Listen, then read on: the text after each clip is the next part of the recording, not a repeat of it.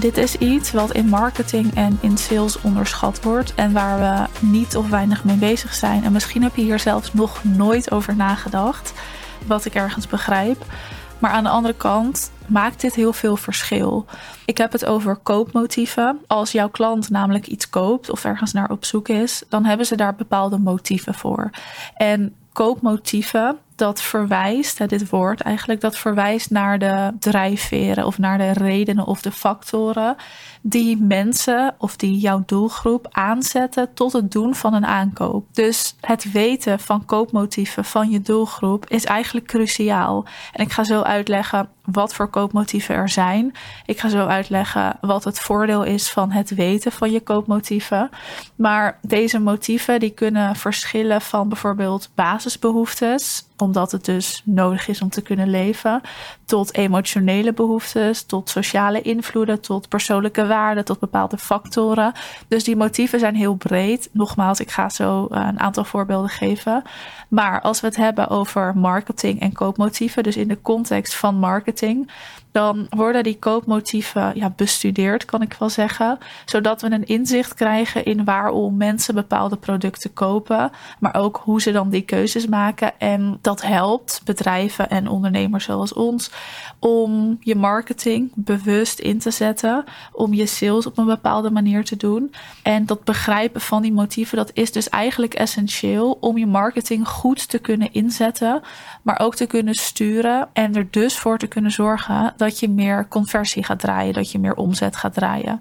Dus koopmotieven, om hem nog even plat te slaan, het woord koopmotieven dat verwijst naar redenen, factoren en drijfveren die mensen aanzetten om iets te kopen. Dus wat zijn de redenen van jouw doelgroep om bij jou te kopen, om op zoek te gaan naar jouw aanbod? Dus het is niet alleen om ook te kopen, maar ook echt om op zoek te gaan allereerst, voordat ik wat koopmotieven met je ga delen en daar uitleg bij ga geven, is het goed om te weten waarom je moet weten wat die koopmotieven zijn van jouw doelgroep. Want er zijn dus een paar redenen waarom dat belangrijk is om te weten. En de eerste daarvan is dat je je marketing kan personaliseren. Als er iets een trend is tegenwoordig, dan is het personalisatie van alles: e-mail, marketing, offline marketing, communicatie. Alles is gepersonaliseerd.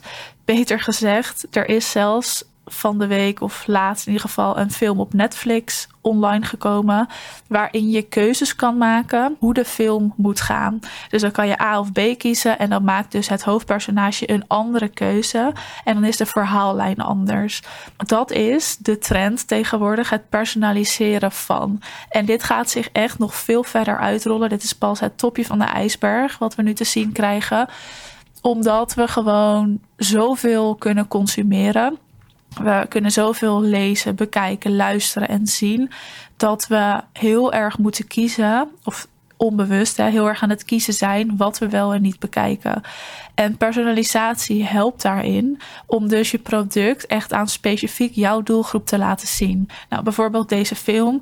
Deze film op Netflix, waarin je dus A of B elke keer kan kiezen. Ik vond het overigens een hele slechte film, maar heel benieuwd naar jouw mening als je hem hebt gezien. Je kan daar dus kiezen en daardoor bereiken ze een grotere doelgroep, omdat mensen zelf de verhaallijn kunnen sturen kunnen mensen bepalen hoe de film eindigt of hoe die doorgaat, dat hij ergens moet stoppen, ja of nee. Waardoor meer mensen de film hoogstwaarschijnlijk leuk gaan vinden. Dus personalisatie is een trend, ook voor ons als wat kleinere ondernemers. Dus je kan door het begrijpen van koopmotieven je marketing veel meer personaliseren. En dat zorgt ervoor dat je veel effectiever communiceert met je potentiële klant.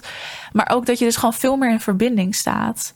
Een andere belangrijke reden om die koopmotieven te weten is dat je je aanbod kan aanpassen. Dus bijvoorbeeld aanpassingen die jij gaat doen in de opbouw van je aanbod of de inhoud van je aanbod. Als jij namelijk weet welke motieven jouw doelgroep heeft om iets te kopen, dan kun je je producten of je diensten daarop aanpassen. En dan kun je dus er ook voor zorgen dat de inhoud daarvan beter aansluit op de behoeften en de koopmotieven van je doelgroep. Wat dus ontzettend belangrijk is, omdat iemand dan veel sneller kan kopen. En ook veel sneller gaat kopen, hè, omdat het gewoon beter aansluit. En dat voelt iemand. Dus dat is een belangrijke reden. Je hebt ook wel echt een voordeel als je kijkt naar je concurrent, als je koopmotieven weet. Helemaal in de markt van nu, omdat heel veel ondernemers hier niet mee bezig zijn, raad ik je dus zeker aan om hier wel mee bezig te zijn.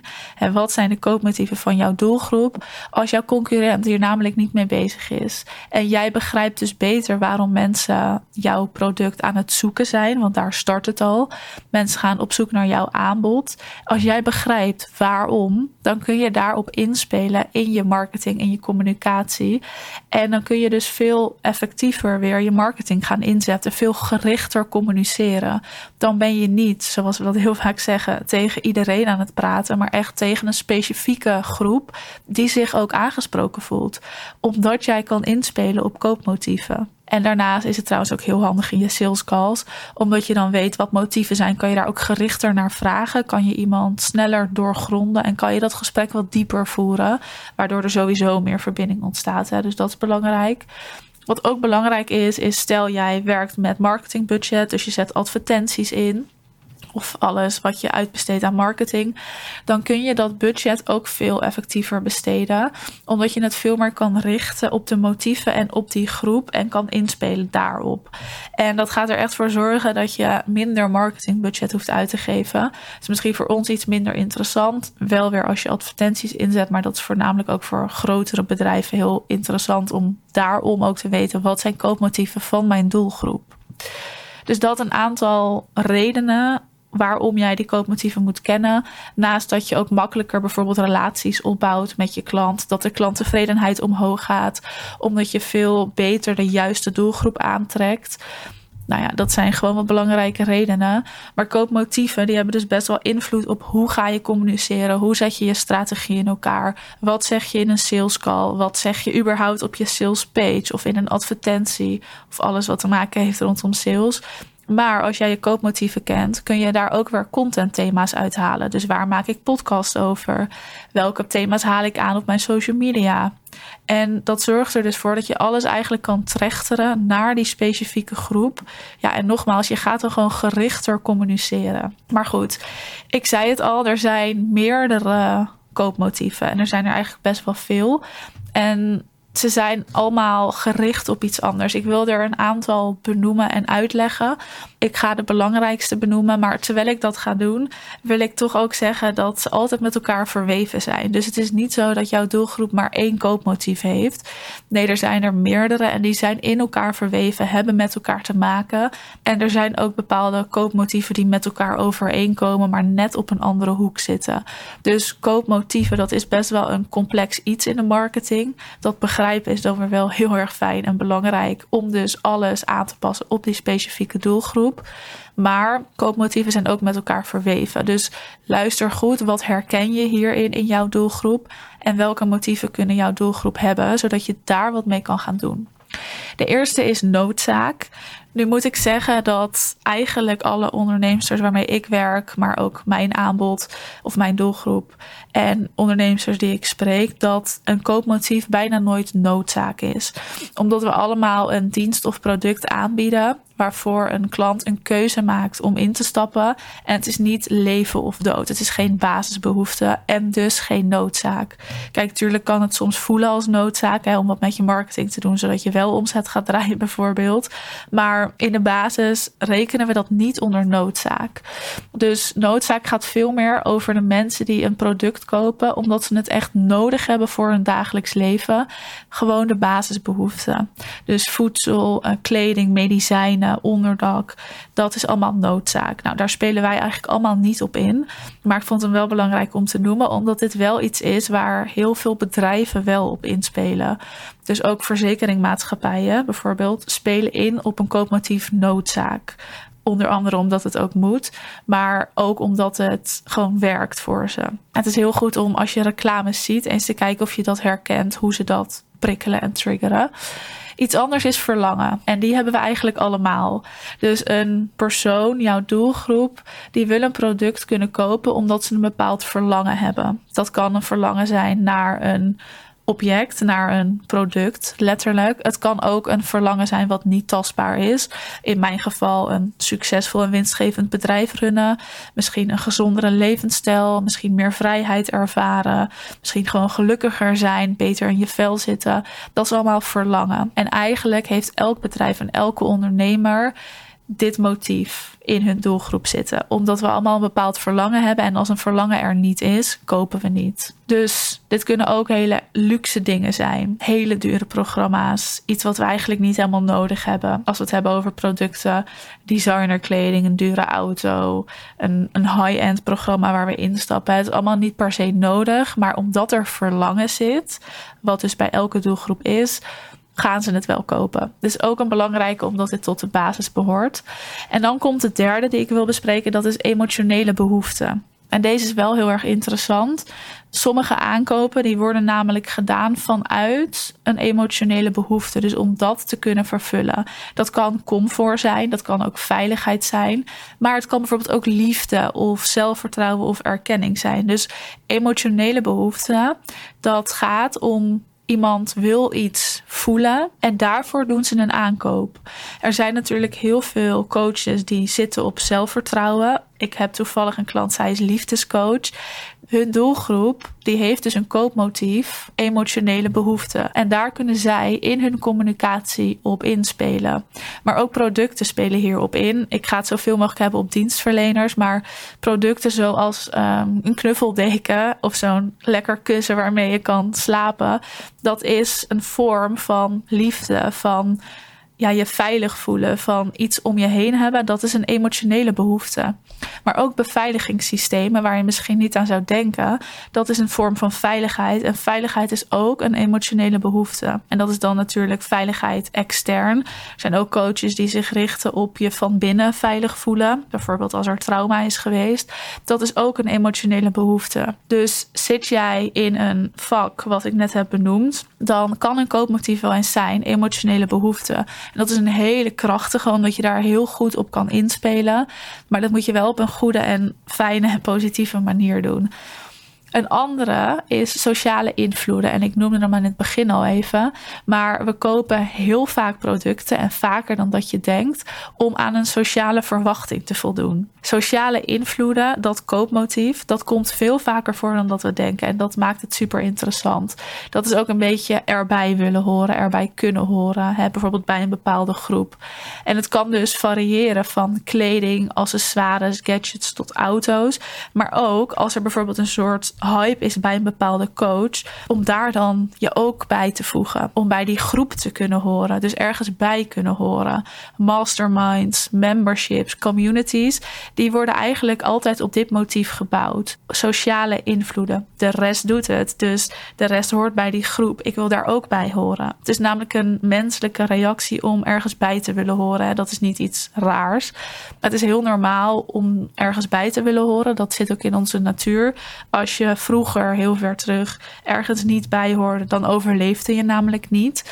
En dat zit dus in onze natuur. Dus dit is een koopmotief die heel sterk is, die je heel goed kan inzetten coaches die zich bijvoorbeeld richten op een één op één programma, maar wel een netwerk erbij in verkopen. Dus als je in mijn programma stapt, dan krijg je dit netwerk erbij. Dat is een krachtig koopmotief die ze dan inzetten in hun communicatie. Je kan dit natuurlijk nog veel meer en veel sterker inzetten. Maar die sociale invloeden die komt vaker voor dan je denkt. Het is interessant om eens te kijken in de marketing en communicatie van ondernemers of je deze terugvindt op een salespage of in een post bijvoorbeeld. Want deze komt heel vaak terug. Iets anders, dat is gemak. Een gemak kan een heel sterk koopmotief zijn. Mensen zijn namelijk bereid veel meer geld te betalen voor een product of een dienst die ze moeite bespaart. Wat gewoon gemak is. Voorbeelden tegenwoordig zijn de bezorgdiensten, bijvoorbeeld ook de Flink of de Getir. Dat zijn bezorgdiensten. Je kan ook gewoon naar de winkel lopen, maar het is gemak. En als het gaat om gemak en je bent een dienstverlener die iets uit handen neemt, is dit een heel sterk koopmotief. Waar je ook hogere prijzen voor kan gaan vragen. Want we willen graag uitbesteden, we willen graag gemak. En als jij dit koopmotief in je communicatie super sterk neer kan zetten, dat zorgt ervoor dat een potentiële klant ook voelt: oké, ik wil dit, ik wil hierin investeren en kom maar door, het maakt niet uit wat je vraagt. Dus dit koopmotief, gemak, is een hele sterke, maar ik zie heel vaak dat dienstverleners die dus echt iets uit handen nemen, deze nog te weinig inzetten. En dat is zonde, ook begrijpelijk, omdat koopmotieven redelijk onbekend is in ons bubbeltje. Maar neem jij dus iets uit handen, ben je bijvoorbeeld VA? Ben je social media manager? Doe je de administratie? Doe je automatiseringen of e-mail marketing? Zet je advertenties op? Is er iets wat je uit handen neemt? Dan is een koopmotief gemak goed om te verwerken in je communicatie en op je salespage. Want die is dus heel sterk. Wat er nog meer is, is impulsiviteit. Bijvoorbeeld, mensen doen natuurlijk impuls aankopen zonder daar te veel over na te denken. En die aankopen die worden vaak gedreven of gedaan omdat er dus een korting is. En dit is vaak een motief bij kleinere producten. Dus stel je bent aan het opschalen en je gaat passieve bronnen creëren in je inkomen en dus ook in je aanbod. Dan is het goed om met dat passieve aanbod je te focussen op het koopmotief impulsiviteit. Bijvoorbeeld de drang om iets nieuws te proberen. Daar je op richten. Kortingen aan te bieden in specifieke periodes. Daar je op te richten. Dus dit is ook een motief. Denken we niet over na. Hangt vaak een wat kleiner bedrag aan vast. Maar we doen het wel. En voor jou, als je je passief inkomen creëert, stapelt zich dat natuurlijk op. Dus dat is fantastisch.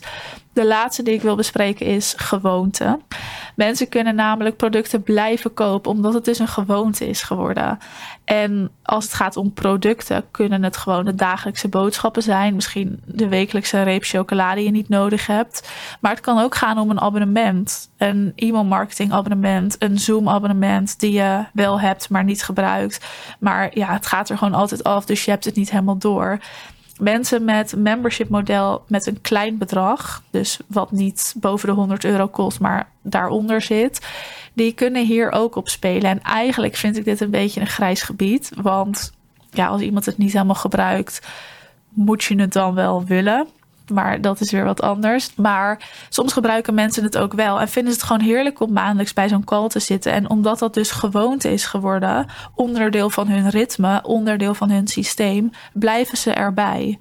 En als je dus zo'n membership model aanbiedt met een kleiner bedrag daaronder, dan is het heel goed om op vaste momenten bepaalde dingen online te zetten of in te plannen. Dus een maandelijkse groepscall altijd op een vaste dag.